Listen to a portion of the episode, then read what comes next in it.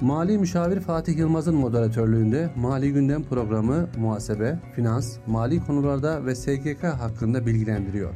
Mali Gündem her çarşamba saat 16'da Radyo Radar'da.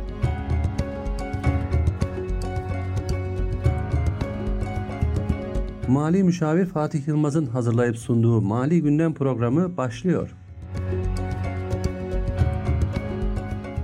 91.8 Radyo Radar dinleyicileri ve Kayseri Radar takipçilerimiz. Herkese merhaba. Ben Mali Müşavir Fatih Yılmaz. Bir Mali Gündem programıyla sizlerle bu hafta yine birlikteyiz. Bu haftaki konumuz çıkan torba yasada ek vergiler, işte KDV oranların artışı, ek motorlu taşıtlar vergisi ve geçen hafta Nuh Naci Yazgan Üniversitesi ile Orsved'in ortaklaşa düzenlediği bir forum vardı. Onlardan bahsedeceğiz. Ve bu konuda bizi bilgilendirecek çok değerli bir konuğum var. Nuh Naci Yazgan Üniversitesi Hukuk Fakültesi Bilim Dalı e, öğretim üyesi Doktor Sayın Ahmet Somuncu Hocam. Hoş geldiniz hocam. Hoş bulduk sevgili Fatih Bey. Teşekkür Aslında ederim. ben hoş buldum hocam. e, iki saat önce de siz buradaydınız, yayınladınız. Evet. Keyifli bir programda. Evet, e, radar, otoradar programımızı yapmıştık. Yani bayram tatili ve bazı başka benim işte kongre sebebiyle katılamamıştım evet. yaklaşık 3 haftadır. Bugün onu da yaptık. Şimdi de sizinle inşallah keyifli bir programda dinleyicilerimizle ee, birlikteyiz. İnşallah hocam. Hocam e, geçen hafta bir torba kanun çıktı meclis kapanmadan önce. İşte resmi gazetede yayınlandı. Hı hı. Herkes bir afalladı. Biz de afalladık. İşte KDV oranlarının artması, işte ek motorlu taşıtlar vergisinin gelmesi. Hı hı. Bunlardan bahseder misiniz hocam? Tabii. E, şöyle söyleyelim. İktisattan girelim vergi teorisinden, vergi hukukundan önce. İktisatta e, ekonomik krizlerin çözüm yöntemleri teoride önerilmiştir. E, önceki Maliye Bakanımız bir heterodoks politikalardan bahsetmişti. Şimdi karşılaştığımız duruma da iktisatçı hocalarım eğer yanlışsa düzeltsinler. Ben de iktisat kökenliyim çünkü.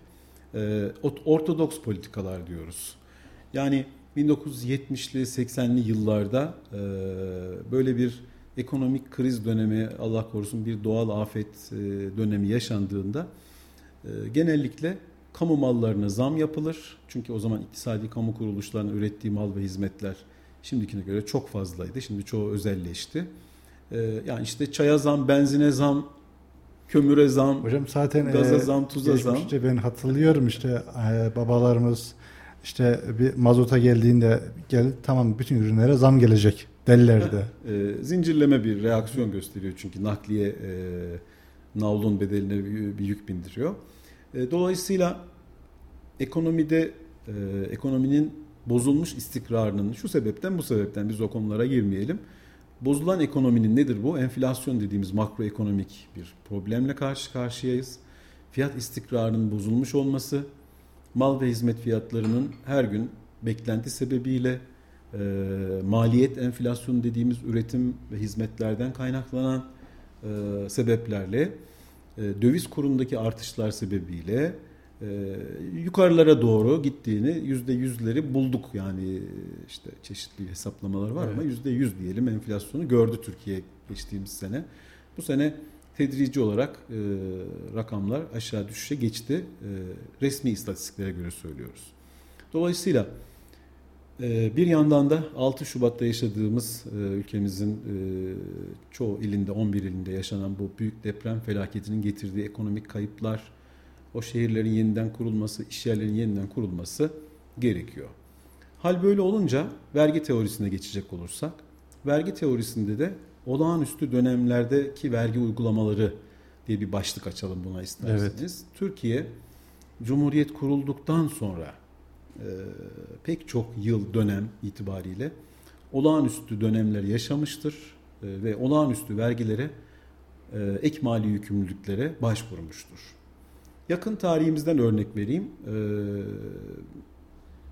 varlık vergisi 1942-44 yıllarında uygulanmıştır varlık vergisi konusunda oldukça fazla çalışma e, okumuşluğum hatta ufak tefek böyle yazılarım vesaire olmuştur. Yüksek lisans lisans öğrencilerinin ödevlerini yaptırmışımdır ve neredeyse yayınlanan bütün kitapları okumuşumdur. Varlık vergisi e, 1942 yılında Türkiye'de yürürlüğe giren bir olağanüstü dönem vergisidir mesela. Çok hızlı geçiyorum bu kısmı. Şöyle Türkiye 1925'te e, aşar vergisini İzmir İktisat Kongresi'nden sonra kaldırmıştır. Yani Osmanlı'nın bir e, olumsuz mirası olarak e, gerek e, Türk ve Müslümanlardan gerek gayrimüslimlerden alınan bir toprak vergileri vergisiydi. E, ama bu zaman içinde Osmanlı'daki vergi sisteminin bozulması, bunu tahsil eden mültezimlerin e, neredeyse halka işkence, zulüm e, haline dönüşen bir tahsilat yöntemi, mültezimlerin kafasına göre vergi koyması gibi çeşitli sebeplerle zulme dönüşmüştü. Anadolu'da aşıkların bile türkülerine, ozanların türkülerine, şiirlerine konu olmuş vergi isyanları e, mevcuttur. Edebiyatımızda, vergi tarihimizde vardır bunlar. Ama bunun yansıması yani o aşar vergisinin devlet bütçesinden kaynak olarak çıkarılması bir de 1940 yılının başında başlayan 38-39'da başlayan 2. Dünya Savaşı'na Türkiye katılmasa bile e, katılacakmış gibi hazırlık yapması ki dünyayı kasıp kavuran bir Alman Nazi e, işgali söz konusuydu. Askerini, silahını, e, yiyeceğini stoklamak için e, e, inanılmaz bir bütçe e, gelir gelirine ihtiyacı e, hasıl oldu. İşte bu iki ana sebepten 1925'te aşar vergisinin kaldırılması ve 2. Dünya Savaşı'na hazırlık e, bugünkü gibi neredeyse hani bugünkü ek vergilerden konuşacağımız evet. için söylüyorum. Ek bir bütçe ihtiyacı doğurdu. O zaman da koşullar itibariyle e, azınlıklardan alınan gibi hep kamuoyunda bilinir ama bir büyük tüccarlardan, büyük çiftçilerden, e, esnaftan, e, efendime söyleyeyim çok yaygın olmamakla beraber bazı ticari kurumlardan yani şirketlerden alınan bir varlık vergisi konuldu. Verginin olağanüstü bir dönem vergisi olduğunu söylemiştik. 15 gün içerisinde takdir usulü, e, karine usulü daha doğrusu yazılan, tahakkuk ettirilen ve 15 gün içinde ödemeyenlerin çalışma kampına gönderileceği olağanüstü bir vergiydi bu. Bunun romanları yazıldı, filmleri yapıldı, incelemeleri yapıldı, makaleleri yazıldı vesaire. Ama şunu söyleyelim bir kere, e, varlık vergisi bir azınlık vergisi değildi. Azınlıklardan daha fazla alınan bir vergiydi. Yani Müslüman ve Türkler de ödediler bunları, azınlıklar da ödediler. Ödemeyenler de çalışma kampına gitti. Hemen arkasından 1945 yılında toprak mahsulleri vergisi konuldu. Yine bütçe kaynakları yetmedi. Hatta ismi biraz garip ama hayvanlardan alınan yani keçi, koyun, at vesaireden alınan hayvanlar vergisi konuldu. Yani biz 1950 yılına gelene kadar bu böyle enteresan, olağanüstü ve daha çok da tüketim ve servet ağırlıklı bir vergi sistemine sahip. Onun bir hikayesi var da inşallah programdan sonra size anlatayım hocam hayvanlardan. Onu bir duymuştum. Evet. Ee, bu da 1955'e kadar uygulandı hani artık olanlar. Şimdi yakın zamana geliyorum.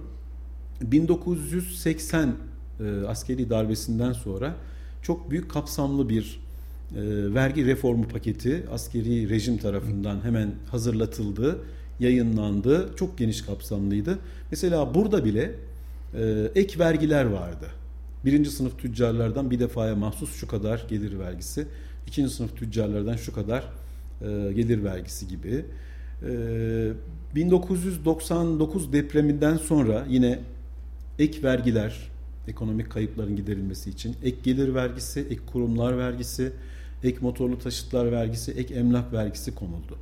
94 ekonomik krizinde 5 Nisan ekonomik krizinde ondan bir 5 yıl kadar önce e, net aktif vergisi, ekonomik denge, denge vergisi, vergisi, ek emlak, ek gelir. 5 Nisan ek kararlarıyla evet. itibariyle. Ee, yine ek vergileri gördük. Ek motorlu taşıtlar özellikle yine vardı. 2002 yılında hani en yakın zamanda e, bütçeye bir kalem olarak konulan kanunla ek motorlu taşıtlar vergisi konuldu.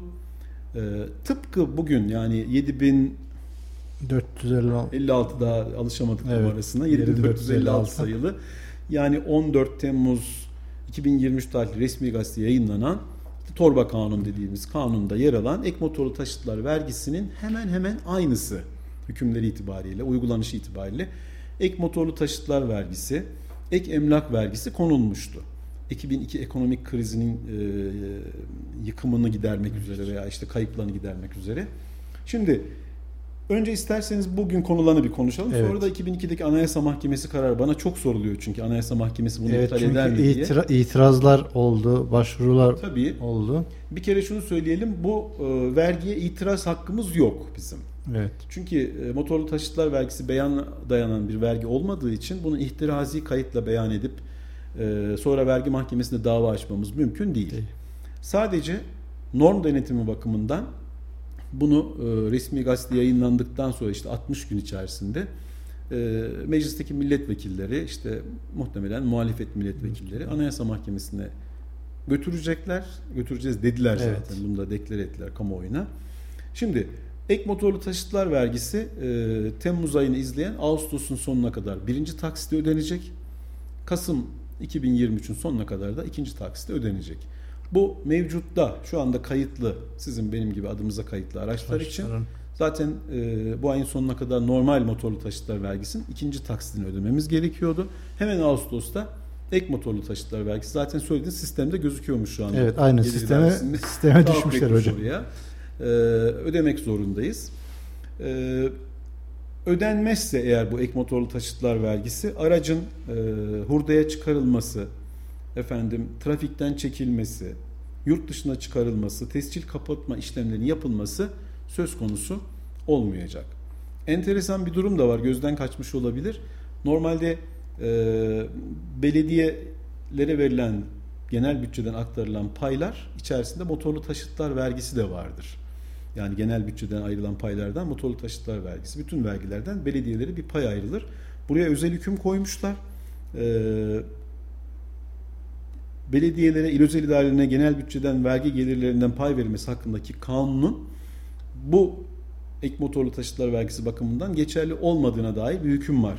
Birinci maddenin 6. bendinde. Bu demek ki direkt hazineye Evet, direkt Gidecek. hazineye gelir kaydedecek yani belediyelerimize buradan pay verilmeyecek. Beklenen rakam yanlış görmediysem 36 milyar kadar yani normal motorlu taşıtlar vergisi 36 milyar, ek motorlu taşıtlar vergisi olunca da 36 milyar. normal 36 milyarda oradan ek bir gelir bekleniyor. Tabi Anayasa Mahkemesi'nde bir e, sürpriz karar çıkmazsa. E, Diğer bir konuda burayı da bir e, ayrıntı olarak ama söyleyelim. Yine 2002'deki e, 99'daki özür dilerim deprem sonrasında konulan ek motorlu taşıtlar vergisinden depremde bir aracı hasar görenler yani depremde tamamen hurdaya çıkan konutu hasar gören ağır veya orta hasarlı olanlar kendileri kendilerinin birinci derece yakınları Yakınları. bu ek motorlu taşıtlar vergisinden istisna tutulmuştu. Ee, burada da istisna denmiş zaten. Aynı hüküm burada da geçerli. Yani bu 11 ilimizde e, depremden etkilenen ilimizdeki araç sahipleri deprem tarihi itibariyle deprem nedeniyle yıkılan ağır hasar gören binaların sahipleri, malikleri, e, yine kullanılmaz hale gelen taşıtlar, deprem nedeniyle eşi veya birinci derece kan ısımlarından birini kaybeden mükelleflere ek motorlu taşıtlar vergisinden istisna tutuluyor bunlar. Ona ödemeyecekler bu vergiyi. Programa girme, e, girmeden önce de Sadem Hocam bir e, mail gelmişti. Orada da işte ek motorlu taşıtların tipliğin taslağı Hı, hazırlanmış. Evet, E, onun e, ek ne de talep formu konulmuş istisna. Evet. Şimdi e, dediğimiz gibi Anayasa Mahkemesi'ne dava açılacak. Anayasa Mahkemesi ne der? Onu bir kenara koyuyorum çok kısa. E, benim bir mali hukukçu olarak e, bu ek motorlu taşıtlara bazı çekincelerim, itirazlarım var. O da benim şahsi itirazım değil, anayasal vergileme ilkeleri bakımından itirazım var. O da şu, ek motorlu taşıtlar vergisi, motorlu taşıtlar vergisi kanunundaki kara ve hava taşıtlarını kapsıyor. Ee, dolayısıyla otomobili olan, motosikleti olan, kamyonu, kamyoneti, ti- işte ticari arabası olan, taksi sahibi, e, uçaklar diyelim, helikopterler, havayolu şirketleri de ödeyecekler bunu. Bunlara ek motorlu taşıtlar vergisi getirilirken 2009 yılında motorlu taşıtlar vergisi kapsamına çıkartılan yat, kotra, sürat teknesi gibi motorlu deniz taşıtlarının zaten bir harç gibi bir liman harcı gibi bir e, mali yükümlülük e, ödemek durumundalar. Bunlara herhangi bir ek yükümlülük getirilmemiş oluyor. Yani o zaman e, böyle e, ne diyelim aktüel gazeteci ağzıyla konuşacak Evet. olursak e, ticari dolmuş ekmek teknesinden e, Vergi motorlu taşıtlar vergisi alacağız ama yat kotra sürat teknesinden bir ek yükümlülük bir defaya mahsus madem ekonomik kayıpların giderilmesi Katkı olunacaksa almayacağız. Özel tüketim vergisi yönü de var. Onu da ayrıca değerlendirelim biraz sonra. Ben bu eleştirimi söylemeden geçemeyeceğim. Ama gelelim şimdi Anayasa Mahkemesi 2003'te ne demişti? Şöyle oldu. Anayasa Mahkemesi'nde ilk açılan iptal davasında yine muhalefet milletvekilleri açmıştı. Anayasa Mahkemesi oy çokluğuyla yani 3 üyenin karşı oy e, gerekçesiyle diğer üyelerin evet oyuyla anayasaya aykırı bulunarak iptal edildi. Anayasa Mahkemesi'nin iptal gerekçesinin dayandığı anayasal kurallar ve maddeler şunlar. Bir, kanun önünde eşitlik, hukuk devleti ve en önemlisi de anayasamızın 73. maddesindeki bir genellik ilkesine aykırılık. İki, mali güce göre vergilendirmeye aykırılık ve vergi yükünün adaletli dengeli dağılımına aykırılık şeklinde e, gösterildi. Ben Anayasa Mahkemesi kararını hazırda programa geleceğim için bir akşam şöyle bir gözden geçirdim. Biraz önce programa girerken de sizinle Evet. istişare ettik zaten. Anayasa Mahkemesi hani özetle söylüyorum diyor ki ekonomik kayıpların giderilmesinde hani neden bir tek e, e, servet unsuruna başvuruluyor? Şimdi diyeceksin ki sadece ek motorlu taşıtlar vergisi değil ki hocam ÖTV de arttı, KDV de arttı.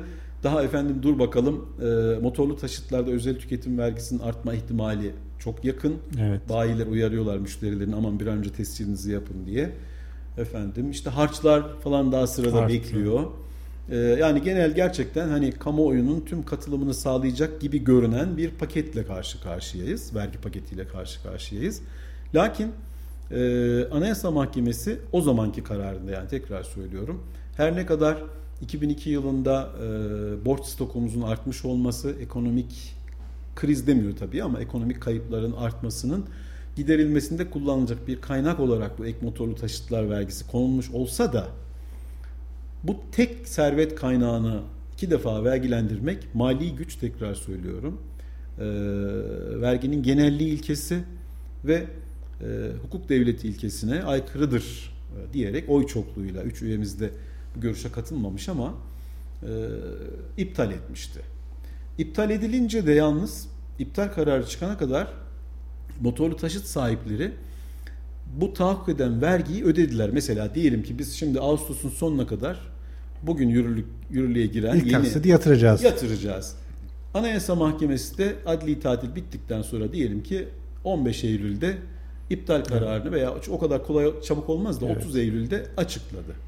Ve iptal etti diyelim. Varsayım tabii bunlar. O zaman ne olacak? Anayasa Mahkemesi kararları geçmişe yürümediği için, yürümeyeceği için bizim ödediğimiz paralar tabiri caizse deri aşağı gidecek. Kayseri'de böyle bir tabir vardır. Hani geri alma imkanımız yok. Olmayacak. Geçmişe, Anayasa Mahkemesi karar geçmişe yürümediği için özür dilerim.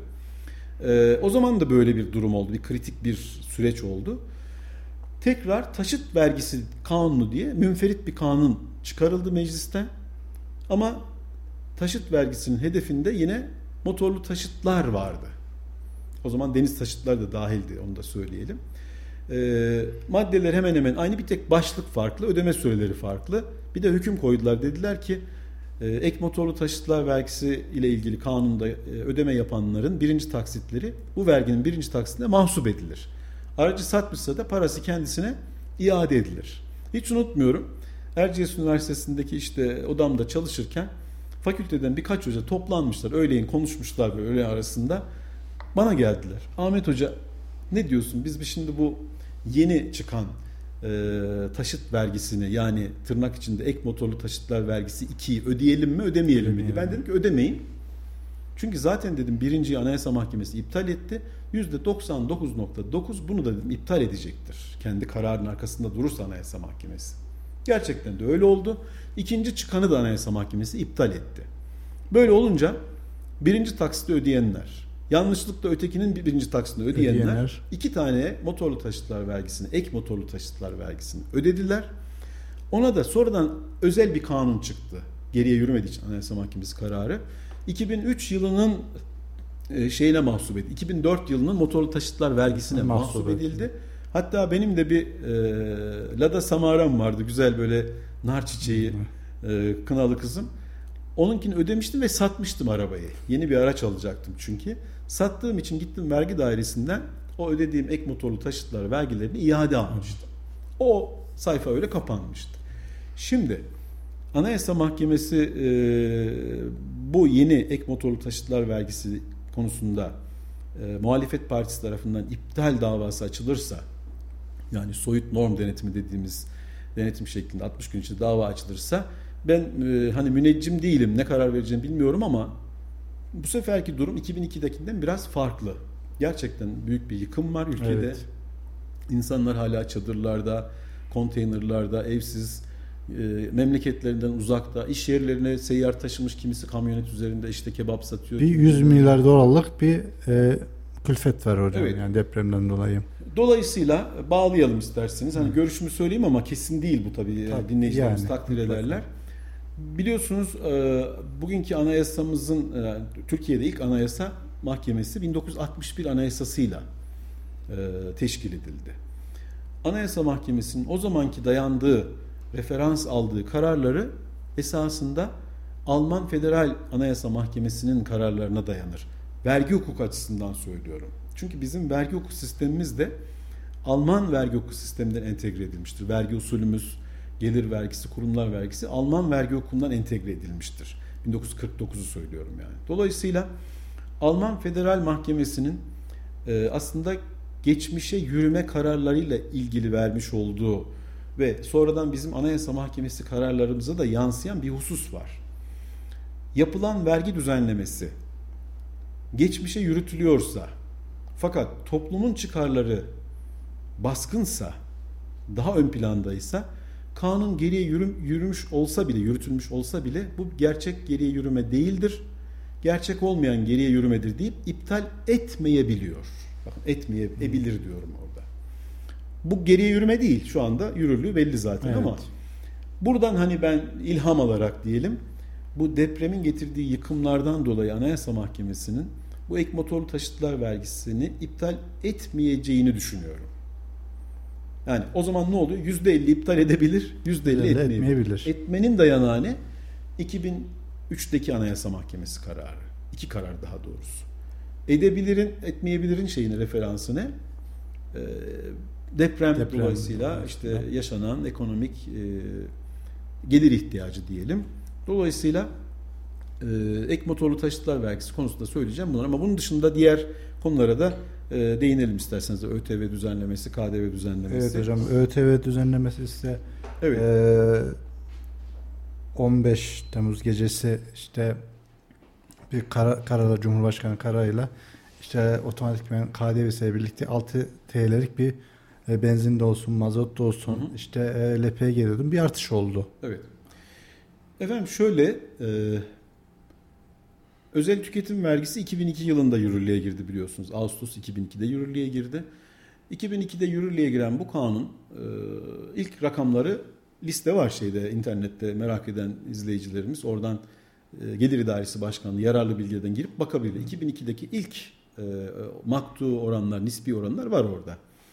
Şu anda öyle bir imkanımız yok ama tartışmanın da bir gereği yok. Evet. Diyor ki e, Maliye Bakanlığı yetkilileri veya Cumhurbaşkanlığı sözcüleri zaten biz yaklaşık 6 yıldır özel tüketim vergisindeki yani özellikle benzin, motorin, LPG, doğalgazdaki özel tüketim vergisi maktu tutarlarını ki bu benzinde 2,5 lira, motorinde işte 2 lira 16 kuruş gibi rakamlar zaten değiştirmedik. Gerçekten de öyle. 2018-19 yılında hatta Cumhurbaşkanı bunların çoğunu 1.75'lere falan evet. yani o yetkisini kullanarak çekmişti maktu vergileri. E, ortada da bir ekonomik e, bunalım dönemi, kriz dönemi var yani yıkımdan dolayı. Dolayısıyla e, 6 yıldır yaklaşık hiç artırmadığımız özel tüketim vergisini Cumhurbaşkanı yetkisinde ama artırmış bulunuyoruz. E, bu bir kamu kaynağıdır. İşte yıkım giderilecek, ev yapılacak, dükkan yapılacak vesaire. E, Cumhurbaşkanı kararlarının e, denetimi Danıştay'ın yetkisinde. Ve Cumhurbaşkanlığında KDV oranlarını %40'a kadar artırmaya, özel tüketim vergisi maktu tutarlarını 3 e, katına kadar işte nispi oranlar mesela yüzde 80 olan e, otomobil ÖTV'sini 110'a çıkarma yetkisi var. Daha yükseltme hani kanunun izin evet. verdiği sınırlar dahilinde artırma yetkisi bulunuyor. E, işte bu ortodoks ekonomi politikalarında anlık gelir sağlayacak dolaylı vergiler hemen tercih edilir. İşte katma değer vergisi de 1 ve 8 listesi dışındaki %18 olan katma değer vergisi 20'ye çıkarıldı. 2 puan artırıldı. Hemen söyleyeyim Almanya'da 19 mesela bu. Danimarka'da bazı kalemlerde, Hollanda'da bazı kalemlerde %20 ama Almanya'da işte bayramda Almanya'daydım. Her gittiğimiz yerde aldığımız fişlerde genelde işte yeme içme gıda 19 genel KDV oranına tabi. Dolayısıyla hani ne diyelim Cumhurbaşkanımızın takdirinde bu. Cumhurbaşkanının e, bu düzenlemesi Danıştay'ın denetiminde. Bunda bir takım başvuru yolları var ama ben çok tahmin etmiyorum buna bir e, Danıştay'a bir e, başvuru yapılacağını pek düşünmüyorum. Özel tüketim vergisindeki bu düzenlemelerin anlık gelir sağlama bakımından gerçekten ihtiyaç olan çünkü ek bütçe de yapıldı bir yandan da bütçe süreci devam ediyor evet. biliyorsunuz. Yaklaşık 1 trilyon 400 500 diyelim 1 milyon 500 1 trilyon 500 milyar TL ek bütçeye bir kaynak olarak bunlar gösterildi. Fakat şöyle bir tehlike var. Biz enflasyonu düşürmeyi hedeflerken bir taraftan hani Merkez Bankası Başkanımız da değişti. Bu e, tüketim ve hizmetlere yapılan ÖTV artışları, KDV artışları haliyle malların fiyatlarını da artıracak. Arttıracak. Böyle bir risk var. Yani enflasyonu düşürmeye çalışırken ekonomik kayıpları gidermek için vergi dolaylı vergi oranlarını artırıyoruz ve enflasyonun şu andaki seviyeden biraz yukarı çıkacağını ekonomistler söylüyor. Ben de çok Biraz da şöyle bir tez, tez var. Bazen dinliyorum hocam. İşte akaryakıta zam geldi. İşte evet. kişiler araçlarını kullanıyorsa artık araca e, anahtarı çevirmeyecekler. Toplu taşıtları kullanacaklar. Öyle de bir e, döngü olacak diyorlar. Valla doğrudur yani. E, şimdi şöyle bir malın fiyatına vergiyi bırakın bir zam yapıldığı zaman ne yaparsınız? İki kaşık zeytinyağı koyuyorsanız zeytinyağının fiyatı arttı diyelim ki. Aman hanım dersin ya işte bir kaşık kullanalım. Hani çok kullanma çok pahalanmış evet. aman. İşte biraz yağ kısarsınız. Biraz işte tuzu kısarsınız neyse. Bir tasarrufa gidilir. Hani klasiktir işte ışıkları söndürün. Evet. Çok zam geldi çünkü işte doğalgazı kısarsınız. Bu e, homo economicus dediğimiz iktisadi insanın normal davranışları. Ama onun etkisi bir süre, bir 3-4 ay sonra geçer. Yine lambayı açık bırakırsınız. Yine zeytinyağını bol kullanırsınız. Bol tamam mı? Bu bir gerçektir. Şimdi özel tüketim vergisi artışlarının durumu böyle yani maktu oranla. Evet. Motorlu taşıtlarda bir artış bekleniyor. Fakat ben hemen ona daha artış yapılmadan eleştirimi söyleyeyim. Bu konuda gerçekten e, hani ölmek için veya kendimi böyle ön plana çıkarmak için konuşmuyorum Fatih Bey. Siz beni tanırsınız. Türkiye'de motorlu kara taşıtlarından alınan özel tüketim vergisi çok adaletsiz bir sistemle alınıyor. Ne demek bu? Bir, ilk hedefte ve en çok vergi alınan kalem otomobiller, binek evet. otomobilleri. Bakın özel tüketim vergisi ilk çıktığında 2002'de 1.6 litreye kadar motor hacmine sahip otomobillerin özel tüketim vergisi %25'ti. 1.6'yı geçenlerinki 50 idi. 2000'ini geçen de yanılmıyorsam 55 veya 60'tı. Çünkü 20 sene geçti aradan. Baksak görünür listede vardır zaten. Şimdi artık 2 litre ve üzerine hiç girmiyorum. 1.6'ya kadar olanları söylüyorum. Bir de değer esası var biliyorsunuz. Fatura tutar hani çıplak fiyat. Tabii ki. 45, 50, 70, 80. Bakın 45 ve 50 hiç kalmadı. 70 de işte belki tek tük böyle artık en donanımsız, en motor hacmine hani bir fiyatı var çünkü araçların. En küçük motor hacmine sahip olanlar. içten yanmalı motorlardan bahsediyorum. Genellikle piyasada satılan binek otomobillerinin, e, arazi taşıtlarının e, yüzde 80 özel tüketim vergisine tabi olduğunu görüyoruz. Şimdi görünen o. Listeyi de kontrol ettim acaba bir değişiklik oldu mu yine diye. Hani son dakika bir değişiklik olabilir çünkü. %80 olan ÖTV'nin %110'a çıkarılması konuşuluyor. Yani düşünebiliyor musunuz? Ee, çıplak fiyatı 500 bin lira olan bir binek otomobilinden %110 özel tüketim vergisi alacağız. Yani yaklaşık işte 550 bin lira özel tüketim vergisi alacağız. E, vergi sistemimizde yıllardır giderilemeyen büyük bir hata var ki mali güç ilkesine yine aykırı. KDV matrağının hesaplanmasında diyor ki bu mala ait başka vergiler, harçlar, mali yükümlü varsa eklenir fiyata. O zaman ne oluyor? Malın fiyatına ÖTV'yi ekliyoruz. Bu tutar üzerinden bir de şimdi %20 oldu katma değer Evet. vergisi. Katma değer vergisi hesaplıyoruz. Anayasa Mahkemesi bunu da maalesef reddetti. Ee, yani hem aldığımız otomobile bir katma değer vergisi tahakkuk ediyor, hesaplanıyor. Bir de özel tüketim vergisine yani verginin vergisi diye halk arasında bilinen şekliyle bir vergi ödemiş oluyoruz. Ahmet abi geçen e, pazartesi günü programda e, sabah yol açık programında Mustafa Bey ile Evet. şey demişti hocam işte e, çarşamba günü Fatih Bey'e soracağım diye verginin vergisi olur mu diye. Siz cevaplayın işte hocam şimdi. Yani özel tüketim vergisine tabi malların tamamı aynı zamanda katma değer vergisi matrağına dahil olduğu için otomobilden tutun tıraş köpüğünde hatta tıraş köpüğünde bakın 4 tane özel tüketim 4 tane vergi var. 2 özel tüketim vergisi, 2 katma değer vergisi. Nedir bu? Bir e, tıraş köpüğünün içindeki veya işte deodorantın içindeki Evet. itici gaz LPG yani LPG kullanıyorlar şimdi. E, şeye tabi özel tüketim vergisine artı KDV. Bir de malın kendisi özel tüketim vergisine tabi artı Tabii. KDV. Dört tane vergi var bir tıraş köpüğünde. Verginin vergisi Verginin oluyor. vergisi. Ama biz konumuza dönelim hani özel şey otomobiller açısından. Türkiye'de panel van tipi araç dediğimiz ki trafikte lütfen hani gözlemleyin bizim bir de otoradar programımız var. Burada Evet. zaman zaman dile getiriyoruz.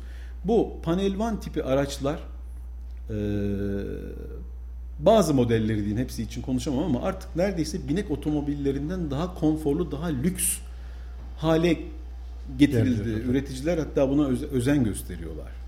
E, çünkü neden? Bu panel van tipi araçların bunlar normalde kamyonet diye geçiyor ama özel tüketim vergisi oranı yüzde 15.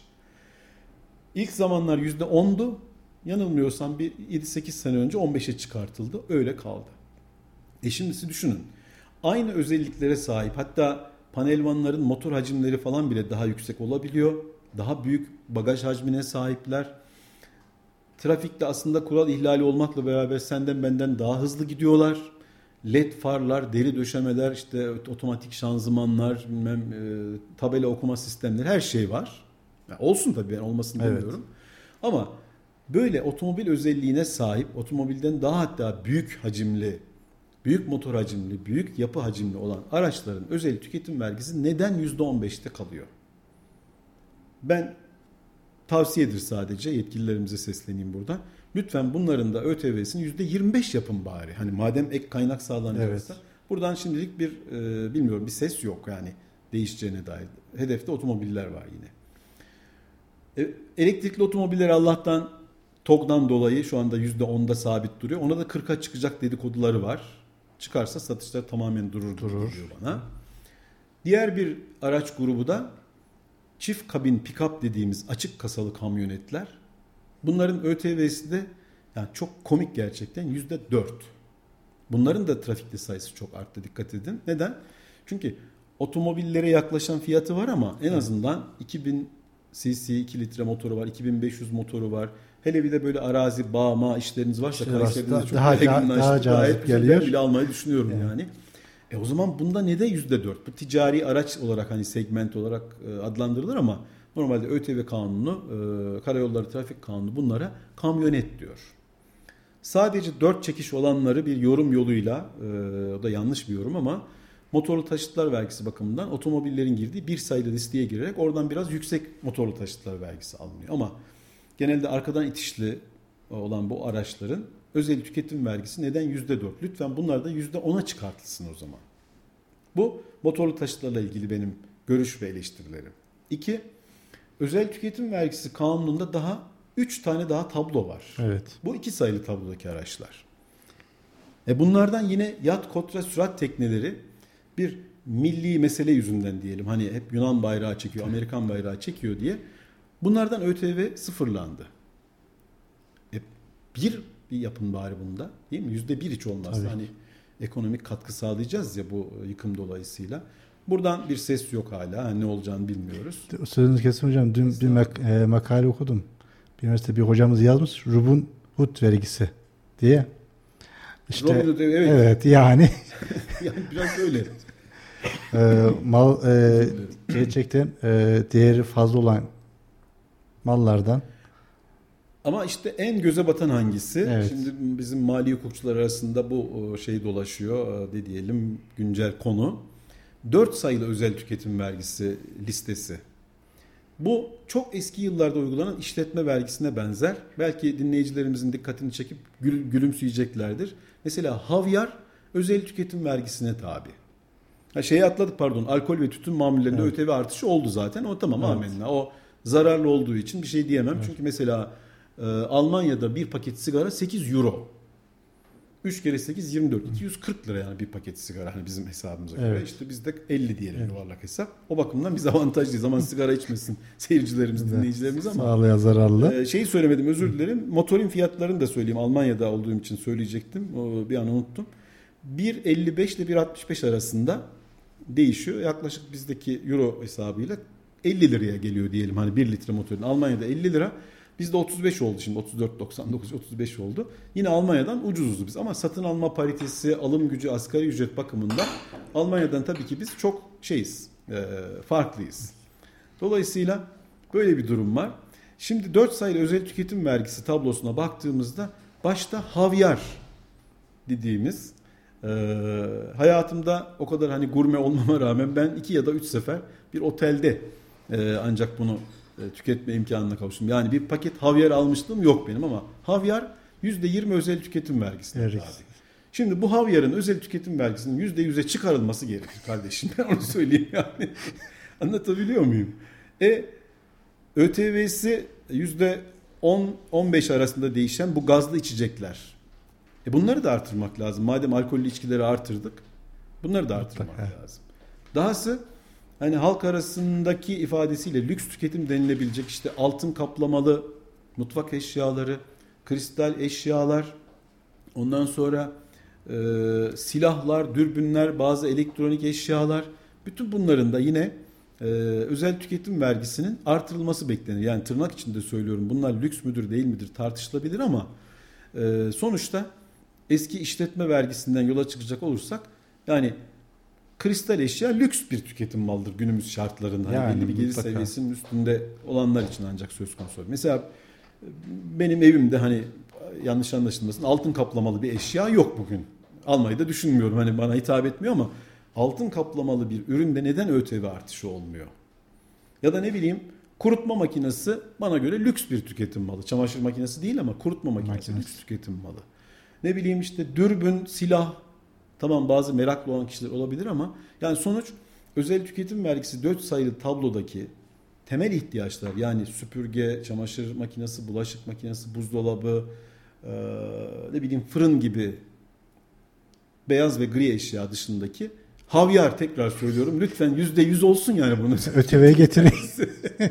yani havyar lüks bir yiyecektir. Ona hiç dokunulmamış ama. Belki unutuldu bilemiyorum artık. Artış da olabilir. Dolayısıyla e, kanunun gerekçesini çok göremiyoruz bu torba kanunlarda ama 2002'dekinden yola çıkacak olursak ve kanunun başlığından yola çıkacak olursak diyor ki 6 Şubat tarihinde meydana gelen depremlerin yol açtığı ekonomik kayıpların telafisi için ek motorlu taşıtlar vergisi ihtası ve bazı kanunlarda değişiklik yapması hakkında kanun. Motorlu taşıtlar vergisi kısmını anlattık, tartıştık. Ee, Cumhurbaşkanı yetkisinde olan ÖTV artışları akaryakıtta, evet. e, efendim diğer petrol ürünlerinde, tütün mamullerinde, alkollü içkilerde e, tartışılabilir. Hani alkollü içkinin ÖTV'si artmasın demiyorum artabilir ama madem onu artırdınız tekrar söylüyorum gazlı içeceklerinkini de artırın o zaman. Ya da havyarınkini de artırın. Hani bir denge sağlansın anlamında eleştirilerim var. Söyleyeceklerim bu kadar değil ama bu kadar olsun. Bu kadar. E, şeyde işte e, kurumlar vergisi istinalar getirildi işte evet. hocam. E, 2 yıl aktifimizde taşınmazların 2 yıl evet. 760 gün hı hı. bulunuyorsa işte e, önceden %75'ti sonra bunu %50'ye indirildi. Evet. İşte bu oran tekrar %25'e Evet. indirildi. İşte resmi gazete yayınlanan önceki şeyler e, taşımazlar istisna tutuldu. E, işte KDV istisnası komple kalktı. Kaldırıldı. Evet. Böyle işte kurumlar vergisinin şirketlerde %20'den %25'e işte bankalar ve faktörün şirketleri de %25'ten %30'a çıkarıldı. Evet. Hı hı. Bunlarda da bir artış oldu hocam. Evet yani şöyle e, istisna ve muafiyetler indirimler bütün ekonomilerde, bütün dünya ülkelerinde en gelişmişinden en az gelişmişine kadar her zaman vergi mükellefleri tarafından talep edilir. Bana istisna tanıyın, bizim sektöre istisna tanıyın. Ee, rahmetle anıyorum değerli arkadaşım Abdullah Kütükçü, uzun yıllar KDV e, şubesinde yani bakanlıkta hizmet veren çok kıymetli bir bürokrattı. Hiç unutmuyorum. Ee, ette KDV yani %8'den %1'e yani perakende satış evet. düşürüldüğünde hani bir e, şey olarak teşvik olarak hani tüketiciyi rahatlatmak için. İşte onda da bir şey vardı işte e, perakende satsan %8 toptan satarsan %1 Doğru perakende Onlar, safhasında ufak bir yani, indirim yapılmıştı. Hani kırmızı ette yani. Evet. Kırmızı ette diyor rahmetli. Kırmızı ette indirim yapılınca ertesi günde de tavuk üreticileri geldi dedi. bir hafta sonra balık üreticileri geldi. Biz de indirim istiyoruz. Yani vergi mükellefleri istisna ve indirimleri sürekli talep eder. Bu istisna ve muafiyetlerin tanınıp tanınmayacağı, ekonomiye getireceği yük ki biz bunlara vergi harcaması diyoruz. Vergi harcaması bakımından e, devlet bir miktar vergiden vazgeçiyor. İki sene önceki rakamlara göre e, söyleyeyim yaklaşık bizim Türkiye'nin vergi harcaması yani vazgeçtiği vergi istisna muafiyet yolu vazgeçtiği vergi miktarı 250 milyar lira kadardı. 250 milyarlıkta yaklaşık bütçe açığımız var. Evet. Bunu sevgili Kadir hocamla çok tartıştık. Ee, size de konuk oldu kendisi. Konuk Kadir Ay Yıldırım hocam da buradan kulaklarını çınlatalım. Selamlar olsun. E, hocam dedi o zaman dedi e, vergi harcaması olmasa bütçe açığı da olmayacak. Peki devlet neden bu vergilerden vazgeçiyor? Bunun da yine anayasamızdaki e, vergi yükünün adaletli ve dengeli dağılımı maliye politikasının sosyal amacıdır diye bir ilkemiz var. Sosyal amaç ne demek? Bir, engellileri korumak. O yüzden mesela engellilerde ÖTV istisnası var, MTV istisnası var. Engelli indirimi var gelir vergisinde. Evet. Efendim e, kalkınmamış bölgeleri kalkındıracak devletin gücünün yetmediği, sermayesinin yetmediği özel kesimin gitmesi için indirimler, istisnalar, muafiyetler tanınması söz konusu. E, verginin maliyeti diye bir hesaplama var. Maliyeti kurtarmayan vergilerden devlet muafiyet istisna yoluyla vazgeçer. Yani şöyle diyelim ekonomik bakımdan düşünecek olursak devlet belli sektörlere teşvik verebilir, istisna verebilir, işte vergi indirimleri hakkı tanıyabilir. Bunların hepsinin sosyal bir amacı, ekonomik bir amacı olması gerekir. Peki bu şimdi kısıtlanan veya kaldırılan istisnalar niçin getirilmişti? Söylediklerinize e, anlamında söylüyorum, bağlamında söylüyorum. Şirketlerin kendi öz kaynaklarıyla hani kendi yağıyla kavrulsun dışarıdan kaynak ihtiyacı olmasın. olmasın. Bir gayrimenkulünü iki sene bekletip satarsa ee, önce tamamı istisnaydı gelir ve kurumlar evet. vergisinde. Sonra işte %50'ye düştü. Şimdi de %25'e düştü. KDV'den de istisna olsun. Yani dolayısıyla vergi yükünden kaçmadan bu kaynağını satsın, gayrimenkulünü, iştirak hissesini, işte rüçhan hakkı bilmem nesini satsın, öz kaynak sağlasın, rahat nefes alsın. Ve yatırımına, istihdamına, üretimine, ihracatına devam etsin diye bu istisnalar getirilmişti. E daha biz buna gelmeden biliyorsunuz işte e, önceki düzenlemeyle ne oldu? E, ek kurumlar vergisi getirildi. Ek evet. kurumlar vergisinin şu anda hepsi ihtirazi kayıtla beyanname vermiş durumdalar. Vergi mahkemelerinde dosyalar birikmiş durumda. Verginin matrağını anlamak imkansız. İstisnadan yararlanmak Haydi istemesen bile bak bir de evet. böyle bir durum var. Yok kardeşim ben yararlanmıyorum desem hayır diyor yararlanacaksın. E o şeyi kaldırmışlar kurumlar vergisi şeyini oradan dilimini e, satırını. Yararlanacaksın. E, Vergisine yararlandığın verirsin. o istisna tutarı kadar da matrah beyan edip ek kurumlar vergisi ödeyeceksin. Ya verginin matrahına yani dünyada eşi benzeri olmayan bir nevi şeye benziyor bu. 94 krizindeki ek gelir vergisiyle net aktif vergisine net benziyor. Vergisi. Aktif toplamlar üzerinden gibi. Evet. Anayasa Mahkemesi başvuran bir ihtirazi kayıtla beyanname veren bir tarım işletmesinin şey haklı bulmuştu Anayasa Mahkemesi yani iptal etmişti o maddeyi. Dolayısıyla e, neden bu duruma geldik? Ben onu şimdi biraz anlatmak isterim. Sürekli 10 yılda 5 yılda bir ekonomik kriz olduğunda Allah korusun bir deprem felaketiyle karşılaştığımızda büyük bir yangın sel felaketi karşılaştığımızda hemen ek vergilere başvuruluyor. Hedefte de ilk başta servet vergileri var. Ek motorlu taşıtlar vergisi bundan birisi. Ek emlak vergisinde eli kulağında Yine aramızda evet. hani böyle dolaşan hani kamuoyunda dolaşan aramızda derken haberler, dedikodular diyelim. İşte ek harçlara bazı geldi zaten zamlar. Daha sırada olanlar var. 1998 yılında e, kanunlaşan ama yürürlüğü 99'a ertelenen sonradan da 2000, 2001, 2002, 2003 yılına ertelenen 2002 yılının sonuna ertelenen bir nereden buldun yasası vardı meşhur. Şimdi tekrar moda oldu bakıyorum. Ee, bir, biz geliri vergilendiremiyoruz. Yani gelir üzerinden alınan e, vergileri, yani gelir vergisi işte vergilendiremiyoruz. Kurumlarda işte e, 20'den 25'e çıktı falan 22 oldu bir ara 2 sene biliyorsunuz. Şimdi ücretleri ele alalım. Ücretlerden biliyorsunuz %95'i stopaj yoluyla vergilendirilir. Evet. Ee, bu mükelleflerin e, beyanname verme hakkı dahi yok. Yani kanunda diyor ki beyanname vermez. Vermez. E peki ücret gelirleri gelir vergisi e, tutarları içerisinde ne kadar paya sahip? Yaklaşık yüzde yetmiş. Şimdi biraz asgari ücretten istisna tanındığı için düşebilir. Bakalım rakamlar açıklanınca göreceğiz.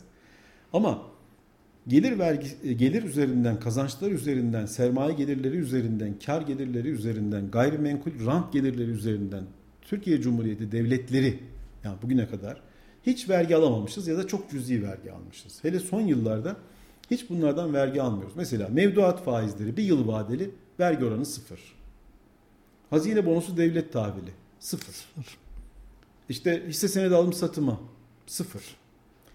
E peki sermaye kazançlarından bu kadar e, bunlara bir avantaj sağlarken ücret gelirlerinde asgari ücretin vergi dışı bırakılması ta yıllarca tartışılıp sonunda hayata Ya geçirilen iki, neyse ki. iki yıldır. He, hocam. o da iki yıldır İki oldu. yıldır yani.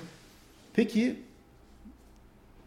bu gelirlerin sahiplerine başka ne avantaj sağlanıyor? En büyük avantaj ki bizim kongrenin konusu şimdi oraya doğru yaklaşıyoruz. Vergi mükelleflerinin fırsat ve riskleriydi biliyorsunuz. Bir buçuk iki yılda bir çıkartılan vergi aflarıyla bu beyannameli mükellefler affediliyor. Yani ben ücretli olarak beyanname verme hakkım olsa ben de derim ki ya bu sene beyanname vermeyeyim. Nasıl olsa bir af çıkartırım ama benim öyle bir şansım yok. Kaynağından kesiliyor. Evet. E zaten kazançları vergi dışı bırakılmış olan veya beyan dışı bırakılmış olan yanlış ifade etmeyelim. e, sermaye gelirleri, mevduat faizi, hazine bonosu faizi, e, işte e, menkul kıymet alım satım kazançları tabii belli sürelerle ama hiç vergiye tabi değil. Onlar zaten gemisini kurtaran kaptan misali sermaye sahipleri öyle. Geriye kalan tüccar, esnaf, serbest meslek erbabı adaletli bir vergi rejimi olmadığını ben de kabul ediyorum. Özel giderlerinizi gösteremiyorsunuz, indiremiyorsunuz vesaire. Ama gayrimenkul alıp satan, gayrimenkule e, kiraya veren veya şöyle böyle kazancı yüksek olan, iyi gelir elde eden kişiler zaten af çıkacağı için ya beyanlarını eksik veriyorlar Evet. ya kasalarından işte e, eksik ödeme yapıyorlar. Hani bilanço esasını söylüyorum. Veya kurumlar vergisinde ortaklara hiç kar dağıtımı yapılmıyor stopaj kesilmesin diye. Stoklar düzeltiliyor. Kasa düzeltiliyor. Düzeltme, af, şu kadar vergi öde. Yani o zaman vergi uyumu dediğimiz uyumun bozulduğunu Bozuluyor. Şimdi bunları düzeltmeden bizim bu ek vergilerden, ek motorlu taşıtlar vergisinden, ek emlak vergisinden, harç artışından, ÖTV artışından kurtulmamız imkan ve ihtimal dahilinde değil. Değil. Bunlardan kurtulmalıyız biz başta. O zaman da ne yapmalıyız? Herkesin ücret gelirleri de dahil gelirini giderini beyan ettiği, giderlerin gelirlerle otokontrol sisteminin sağlandığı, servet artışlarının takip edilebildiği bir sisteme geçmek zorundayız. Bunu yapmadığımız müddetçe Allah korusun dilemem tabii ama diyelim ki 5 sene sonra herhangi bir hükümet ben bu mevcut hükümet de söylemiyorum. Herhangi bir iktidardaki hükümet bunu yapmadığı sürece 5 yıl sonra yine böyle bir büyük yıkım, ekonomik kriz, bir deprem felaketi yaşadığımızda göreceksiniz aynı konular gündeme gelecek. KDV oranları artacak, Maalesef. harçlar artacak, özel tüketim vergisi 7 liradan 10 liraya çıkacak. Yani devlet maliyesi dediğimiz maliyeyi, bütçeyi sağlam kazığa bağlamak zorunda. İşte bu da e, biz e, maliyecilerin, iktisatçıların, hukukçuların genelde söylediği yapısal reformlar dediğimiz vergi sistemimizde ciddi bir reform yapılması gerekiyor. Vergi denetiminin bugünkü seviyelerden daha yükseğe çıkartılması gerekiyor. Programımızın konseptine uygun olduğu için söylüyorum. Bakın Kayseri'de geçen hafta 3-4 tane otoparka girdim çıktım. Özel otopark işletmesi. Evet. İnanın bir tanesi bana perakende satış fişi vermedi. Vermedi. Hep altında mali fişinizi alınız yazıyor. Ya sen vereceksin bana ben onu istemeyeceğim ki. Yani düşünün bu otoparkları her gün yüzlerce araba girip çıkıyor. Kaç tane fiş kesiliyor ben bilmiyorum yani. Pastanelerde, kafeteryalarda, şurada burada Türkiye genelini söylüyorum. O gün kongrede hocalarımız da vardı işte bu fatura fiş muhabbeti oldu. Evet. Aralarda hocam işte bir ya bir dolmuşa binsek dedi işte bir taksiciye veriniz. Bize fiş desen şöyle bakarlar dedi. Ama evet. dedik ki vermek zorunda dedik. Evet. Yani ben basit usulüm derlerse o basit usulleri de vermek mecburen perakende satışları vermek zorunda yani. Öyle. öyle. Yani e, mesela Almanya'da da bu, bugün hep Almanya'yı anlattık iki programda da ama Almanya'da da e, dönerci sektörü diyeyim ve pastane dondurma sektöründe çok zafiyet başlamış. E, ve Alman maliyesi e, Finanzamt denilen kuruluş bu e, grup mükellefleri inceleme, denetleme hatta baskın şeklinde kasalarına el koyma, arama bizdeki gibi e, faaliyetleri başlatmış. E, nakit istiyorlar parayı. Bir yerde dondurma yiyorsunuz, nakit diyor. Döner yiyorsunuz, nakit diyor. Kredi kartı geçmiyor bizde diyor. Nakit olduğu zaman hani onda bir kasa sistemine giriliyormuş falan diye duydum ama yani fiş vermiyor size perakende satış fişi. Orada bir kayıp kaçak başlamış. Ben yadırgamadım çünkü Alman maliyesi bence geleceğini garanti altına almak istiyor. Damlaya damlaya göl olur. Yani bir dönerden ne olacak, bir e, iki top dondurmadan ne olacak, ne olacak demiyor Alman maliyesi. Bunun peşine düşüyor, denetimler başlatıyor. Biz e, daha çok maalesef seçim dönemlerinde bu vergi denetimlerini, trafik denetimlerini zayıflatıyoruz. Ben yine e, beklentim şu, yıllarca bu konuda da çalışmış bir kişi olarak gerek yoklama yaygın yoğun vergi denetimi daha böyle üsluplu bir şekilde, mükellefe eğitecek şekilde başlatılmalı tekrar, artırılmalı. Vergi incelemeleri e, basit olandan tutun en böyle e, girift olana kadar böyle e, büyük şirketlere kadar yaygınlaştırılmalı. Tamam maliyemiz, vergi denetim kurulumuz çok vurucu böyle sektörlere falan filan el atıyor ama tekrar söylüyorum bugün fiş verme alışkanlığı bitmiş vaziyette. Evet. Vatandaş da zaten umudunu kesmiş. istemiyor. İnanın denemek için bazı işletmelerde böyle genç hanımefendiler, beyefendiler işte çalışan tezgahlar, satıcı fişimi alayım diyorum. İşte zar zor bir fiş kesiliyor. Diyorum ki fiş vermemenin cezası kaç lira biliyor musunuz diyorum. Bilmiyoruz abi diyorlar. 2200 lira diyorum. Amanin diyorlar. Mesela 50 liralık bir şey almışsınız. Cezası 2200 lira. Hadi %50'si gitti 1100 lira. Aynen hocam ee, e, şey kıza oyuncak almıştım bundan 3-4 ay önce. İşte kredi kartını verdim. Evet. Çekti. Slip verdi. Şey bekliyorum. İş yok. Ondan sonra fiş dedim. Abi verdim ya dedim. Bu dedim slip dedim. evet. Mali değeri yoktur. Mali fişiniz alınız bilgi fişleri veriliyor ama e, devlete bizim ödediğimiz KDV'yi gösteren satıcının, e, firmanın kazancını belgeleyen o fiş tekrar söylüyorum e, seyircilerimize, dinleyicilerimize damlaya damlaya göre olur. Hele bir de KDV'nin oranı evet, arttığına göre bundan sonra öyle. ısrarla e, ama devlet hani buna öne yak olacak. Denetimleri artıracak.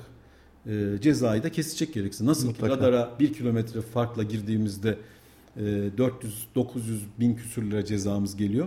Fişini vermeyen mükellefe de cezası uygulansın. O da fişini versin işte. Sosyal yardımlaşma, dayanışma veya ekonomik kayıpların giderilmesine bu yönden de yaklaşmak lazım. Yoksa sadece akaryakıtla özel tüketim vergisini artırarak KDV oranını yüzdeyim. KDV'yi artırdınız. Bakın bir sonuca varalım buradan. Tabii ki hocam. Bir esnaf düşünün, bir satıcı düşünün. %20'ye tabi bir mal satıyor. Mesela temizlik malzemeleri satan bir yer. Ve asla fiş kesmiyor. Siz bu KDV'yi nasıl tahsil edeceksiniz o zaman? Adam fiş vermiyor ki. Gelen mal kayıt dışı geliyor, faturasız geliyor. O da alışmış zaten. Faturasız satış yapıyor. Devlet soruyorum buradan katma değer vergisi %20'yi nasıl tahsil edecek?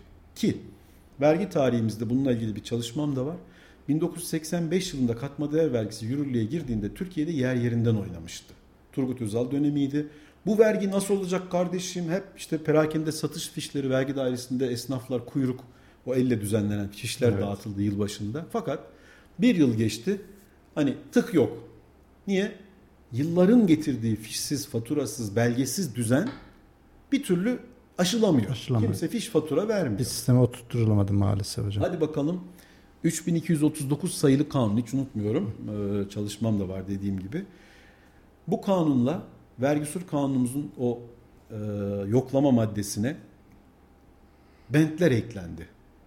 yol denetimleri işte faturasız mallara el koyma hatta bunu satıp paraya çevirme hala duruyor orada. Defter belgelere el koyma. Ben o zaman genç bir maliyede vergi memuruydum. Özel yoklama yetkisi aldım ve ekibimle beraber çok denetimlere çıktım Kayseri'de.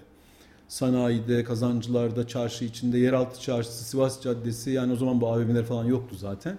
Ve inanın e, hani kuş uçurtmuyordu maliyeciler o zaman. Bunlar basına bile yansımıştı. Gece işte e, e, böyle gece çalışan işletmelere, bar, evet. pavyon gibi yerlere baskınlar, defterlere el koymalar falan filan. Hoş da değildi yani sosyolojik olarak ama gerçekten o zaman bir de iş yeri kapatma cezası vardı onu hatırlarsınız. Evet. Ya da üç defa fiş vermezseniz eğer iş yeri iş kapanmış. bir haftaya kadar kapatılacaktı. Sonra işte kaldırdılar onu da. Dolayısıyla e, hani devlet devletliğini gösterecekse bu uygulamaların yapılması lazım. Başımıza bir iş geldiği zaman devletin kasası tıngır tıngır boş, kaynak yok. Borçlanmanın da sınırına gelmişiz. Evet. Borçlanma bize çok büyük maliyet, maliyet getiriyor. Maalesef. O zaman devlet tekrar söyleyelim bu konuyu bağlayalım. Adaletli, dengeli bir anayasamızın söylediği vergi sistemini inşa etmek zorunda. Az kazanandan az, çok kazanandan çok. Ee, çok tüketenden çok, az tüketenden az, az şeklinde bir vergi sistemini inşa etmek zorunda diyoruz efendim. Teşekkür ederim hocam. Gerçekten keyifli. Kesmek istemedim. Bayağı zamanla ileride. İstersen bir reklam arası verelim. Ondan sonra geçen haftaki e, kongremizden bahsedelim. Tabii ki. Evet 91.8 Radyo Radar dinleyicileri kısa aradan sonra tekrar buradayız. Şimdi reklamlar. Dağtekin İnşaat 12 yıllık tecrübesiyle huzuru ve mutluluğu inşa etmeye devam ederken sizlere depreme dayanıklı yapılarımızla güven veriyoruz. Erkilet bölgesinde bade konakları 4, 5, 6, Seyrani yükselen konutları, şehir hastanesi bölgesinde hastane konakları, Yavuzlar Mahallesi Dağtekin Konağı projelerimizle yüzlerce aileye yuva yapıyoruz. Erkilet bölgesinde yer alan villa projelerimiz İnceada Villaları 1, 2, 3 ile doğanın kapılarını sizlere aralıyoruz. Siz de bu projelerde yerinizi almak, Dağtekin'le yuva sahibi olmak için acele edin. Adres Sümer Mahallesi Erkilet Bulvarı numara 22 Taksim A Koca Sinan. Telefon 0352 220 çift 011 0533 652 çift 045 Bir imza düşünün. Olduğu her yere değer katan, hayat veren. Hayalleri gerçeğe dönüştürürken memleketin her karış toprağına güçlü projelerin temelini atan bir imza. İlkleri yaşatan aynı imza şimdi sizleri yeni projelerine davet ediyor. Bu imzayı tanıyorsunuz. Çünkü 5 yıldır olduğu her yerde farkını yaşıyorsunuz. En iyisini isteyenler için değeri her geçen gün artan yaşam projeleri Grup Avenir güvencesiyle Yozgat ve Kayseri'de.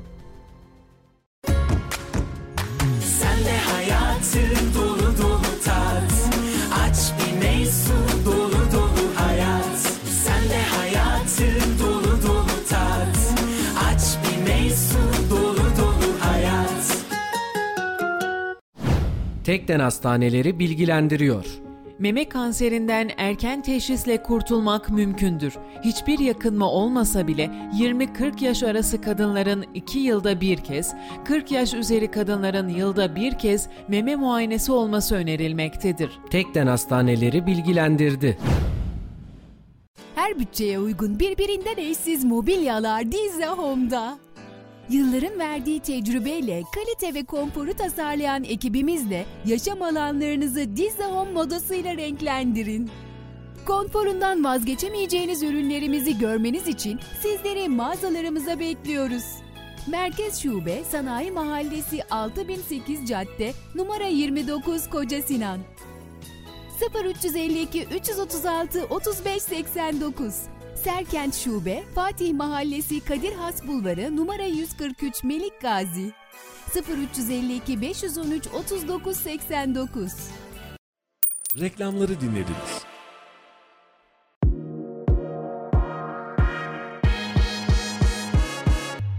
Bölgenin en çok dinlenen radyosunda kendi markanızı da duymak ve herkese duyurmak ister misiniz?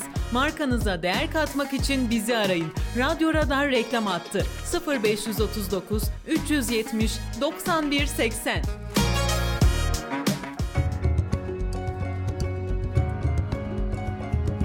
Mali Müşavir Fatih Yılmaz'ın hazırlayıp sunduğu Mali Gündem programı devam ediyor.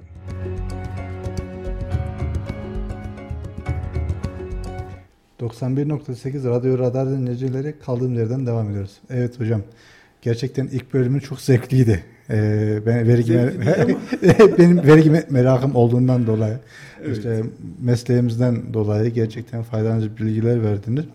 Ama geçen hafta da hocam e, Nuh Naci Yazgan Üniversitesi'nin sizin önder olarak Estağfurullah. E, Orsvet'in işbirliğiyle buradan başkanımıza da Yemin Mali Müşaviri Soner Türk'ün Bey'e de selamlar olsun. Evet. Hem sizin davetiniz hem Soner Türk'ün başkanım davetiyle ben de katıldım. Hı hı. Gerçekten çok zevkliydi. Sağ olun. Ee, Sabah ilk siz gelmiştiniz evet, zaten. hediye verecektiniz vermediniz hocam. Evet. Doğru onu unuttuk hemen onu ikmal edelim inşallah ilk gelene. Ee, inşallah gerçekten birçok üniversiteden değerli hocalarımız vardı. Hı hı, evet. Ama e, biraz meslektaşlarım az katılım gösterdi. Biraz herhalde mali tatilden dolayı Doğrudur. biraz. Hı hı. Ama sizin ilk kürsüye çıktığınızda e, gelmeyenlerin çok şey kaybetti. bir kongreydi. Evet. Bahseder misiniz hocam? Tabii şöyle e, bu e, kongre ana fikrimiz diyelim e, vergi mükelleflerinin sorunları diye biz yola çıktık. Biz derken kimiz biz? E, genellikle maliye okulu mezunu olup e, şu anda akademide görev yapan e, mali hukukçular var, efendim finansçılar var, işte e, mali müşavir olup akademisyen olanlar var vesaire. E, ya dedik ki vergi mükellefleriyle ilgili yani vergi mükelleflerinin pek çok sorunu var ki başta vergilendirme ile ilgili sorunlar.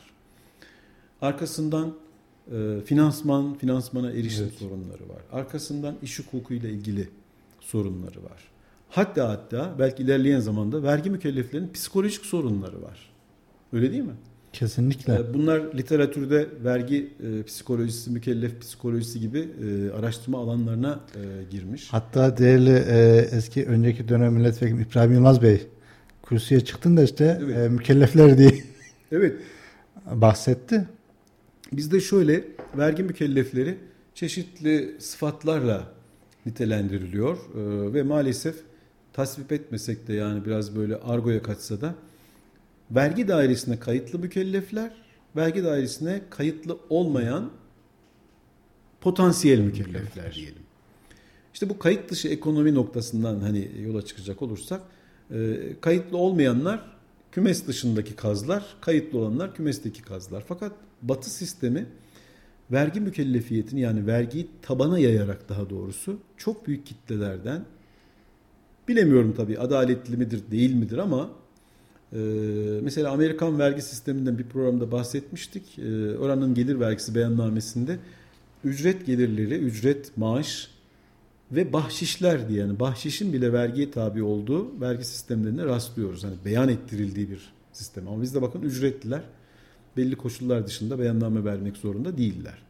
Bu ülkedeki vergi bilincinin artmasına, vergi mükellefi sayısının artmasına, vergi hasılatının artmasına daha da önemlisi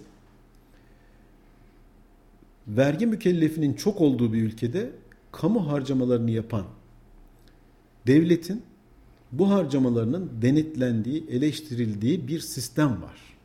İşte o yüzden Amerikan başkanları, adayları, senatör adayları kürsüye çıktıklarında hani bizdeki gibi e, benim esnafım, benim tüccarım diye rahmetli Demirel'in işte benim evet. memurum değil de Dear taxpayers yani sevgili vergi mükellefleri. Ee, bakın 2008 krizinde Amerikan Kongresi'nde şirket kurtarma operasyonları için diyelim e, büyük şirketlere işte Ford, General Motor vesaire buralara bankalara bütçeden ya, yanlış hatırlamıyorsam 450 milyar dolar Amerikan bütçesinden bahsediyorum e, kurtarma kaynağı aktarılmıştı. Fakat Amerikan Kongresi'nin başkanı bayan kürsüden şu konuşmayı yapmıştı. Amerikan vergi mükelleflerinin ödediği vergileri şımarık şirket CEO'larına bir daha yedirmeyiz. Bu son. The game is over. Oyun bitti diye bir laf etmişti. İşte o yüzden bu bir bilinç oluşması, oluşması gerekiyor. Dolayısıyla bizde vergi mükellefiyeti önce hani ilkokula kaydolur gibi vergi dairesine işe başlamanın bildirmesi, bildirilmesiyle başlıyor. Fakat ondan sonraki süreçte vergi mükellefiyeti sona erene kadar siz değerli meslek mensuplarının sırtında e, yürütülen giderek de bu yükün ağırlaştığını ki yine buradan Ali Yedikaya e, Oda Başkanımıza da çok saygılar selamlar iletelim. Çok güzel bir konuşma yaptı. Gerçekten duygulandım ben. Konuyu dağıtmayalım. İşte vergi mükelleflerinin sorunları deyince bizim hedefimiz buydu yani. Herkesin aslında gelirini giderini beyan ettiği bir sisteme geçen, verginin tabana yayıldığı, vergi mükellefi sayısının arttığı, böylece de kamu maliyesinin denetim altında olduğu bir sistem olsun. Yani vergi mükellefinin bugün gerçekten iş yapmak istersen ilk aklına gelen acaba ne kadar vergi evet. var bana? Ee, ek vergi çıkar mı? Örneğin bugün olduğu gibi. Geriye doğru yürütme olur mu? Vergi incelemesi e, geçirirsem e, işte başıma neler gelir? Neler gelir? Gelen fatura sahte midir değil midir? Ben bunu nereden bileceğim? Ki bu olmuştur yani benim çok deneyimlerim var. Yıllarca güvendiğin, alışveriş yaptığın firma bir gün geliyor, bir ihtiyacı oluyor, bozuyor, sütünü bozuyor diyelim hani Anadolu tablet tırnak içinde. Diyor ki abi diyor ben diyor e, senin işleri diyor burada yapamayacağım, yetiştiremeyeceğim. Evet. İşte Ankara'ya göndereceğim. Orada çok değerli bir abimiz var. Çok temiz iş çıkartıyor. Ben çok doluyum diyor. İstersen göndereyim diyor. Hemen nakliye gönderiyoruz. 15 gün sonra geliyor ama da fatura da oradan gelecek haberin olsun diyor. Tamam diyor örneğin. Ama bir bakıyorsunuz Ankara'dan gelen iş geliyor, işiniz yapılıyor. Yapılıyor. İşte fason işiniz, düzeltmeniz, dikiminiz, neyse fotokopiniz şu bir yapılıyor, geliyor. Fakat gelen fatura sahte. Ankara'da bir çete çökertildi, sahte fatura çetesi. Hadi bakalım siz de sahte fatura kullanmaktan hakimin karşısına çıkıyorsunuz. Anlat bakalım diyor, niye sahte fatura kullandın diyor. İşte bunlar vergi mükelleflerin riskleri.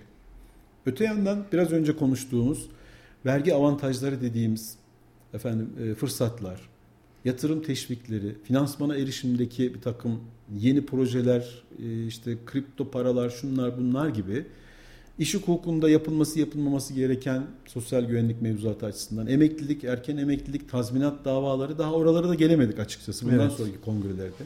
Hatta hatta eğer hayata geçirebilirsek inşallah önümüzdeki aylarda ya da 2024'ün ilk aylarında e, Eskişehir'de yerel yönetimlerin mali sorunlarını ele alan bir e, kongre forumu düzenleyeceğiz. Şimdi bizim forumun konsepti şöyle özetle. Vergi mükelleflerin her türlü sorunları ama ağırlıklı vergi, finansman, iş hukuku sorunları gibi. Bu sorunlara ışık tutan başta akademisyenler, kendi alanlarında uzman. Mesela ben özellikle kaçakçılık suçlarını işliyorum evet. iki kongrede. İlkini biz bunun Kocaeli'nde 26 Nisan 2023'te yapmıştık. Orada kaçakçılık suçlarının tespiti, soruşturma, koşturma aşamada yaşanan sorunları ben anlatmıştım. Gerçekten sorunlu bir alan burası.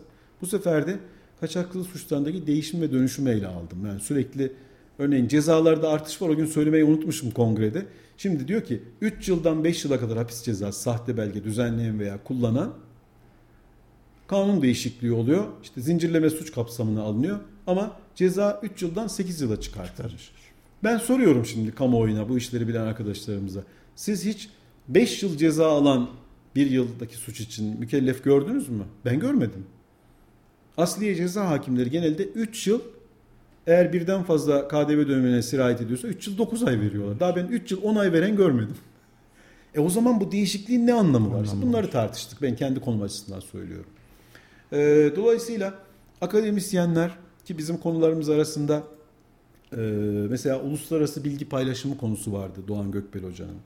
İşte vergi uyuşmazlıklarının giderek idari çözüm yollarıyla daha evla e, ve olumlu sonuçlandı. Yargıya gitmemek gerektiği yönde hocamızın, Erkan Üymes hocamızın bir sunumu vardı. İşte yine finansmana erişim konusunda çok yine kıymetli finansman hocalarımız bilgi verdiler. Yeni pazarlara açılım konusu vardı Arda Soyer hocamızın.